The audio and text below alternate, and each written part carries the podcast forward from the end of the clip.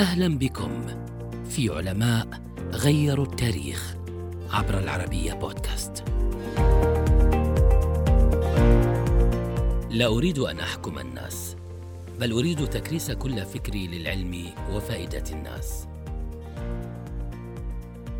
جملة قالها عمر الخيام عندما رفض عرض حاكم الإمبراطورية السلجوقية لحكم نيسابور.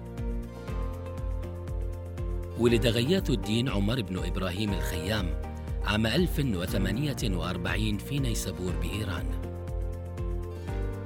هو موسوعي مسلم لقب بالخيام نسبة إلى والده الذي عمل في تجارة الخيام. تعلم على يد أبو الحسن بهمنيار الذي قدم له تعليما شاملا في العلوم والفلسفة والرياضيات. في عمر الثانية والعشرين قدم الخيام دراسة حول مشاكل الجبر والموازنة. وهو كتاب صنف كأحد أعظم إسهاماته في مجال الرياضيات. شرح فيه كيفية حل المعادلات التكعيبية وأثبت أنها قد يكون لها أكثر من حل واحد.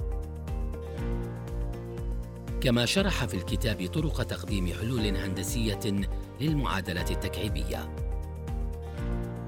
يعتبر الخيام رائدا في اختراع الهندسة التحليلية أيضا. وهو أول من وضع الأساس لاستخدام رمز إكس للدلالة على المجهول في الرياضيات. أدار الخيام المرصد الفلكي لأصفهان لثلاثين عاماً وتمكن من قياس طول السنة بدقة. ما أدى إلى تطوير التقويم الجلالي الذي تم استخدامه حتى القرن العشرين.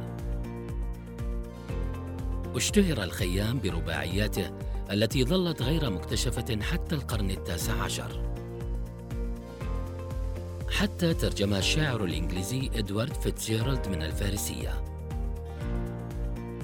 رغم نجاحها الجماهيري إلا أن مؤرخين يرجحون أن بعض الرباعيات تنسب للخيام بالخطأ حيث منها ما يدعو إلى اللهو والمجون وهو ما يتناقض مع سمو أخلاق الخيام.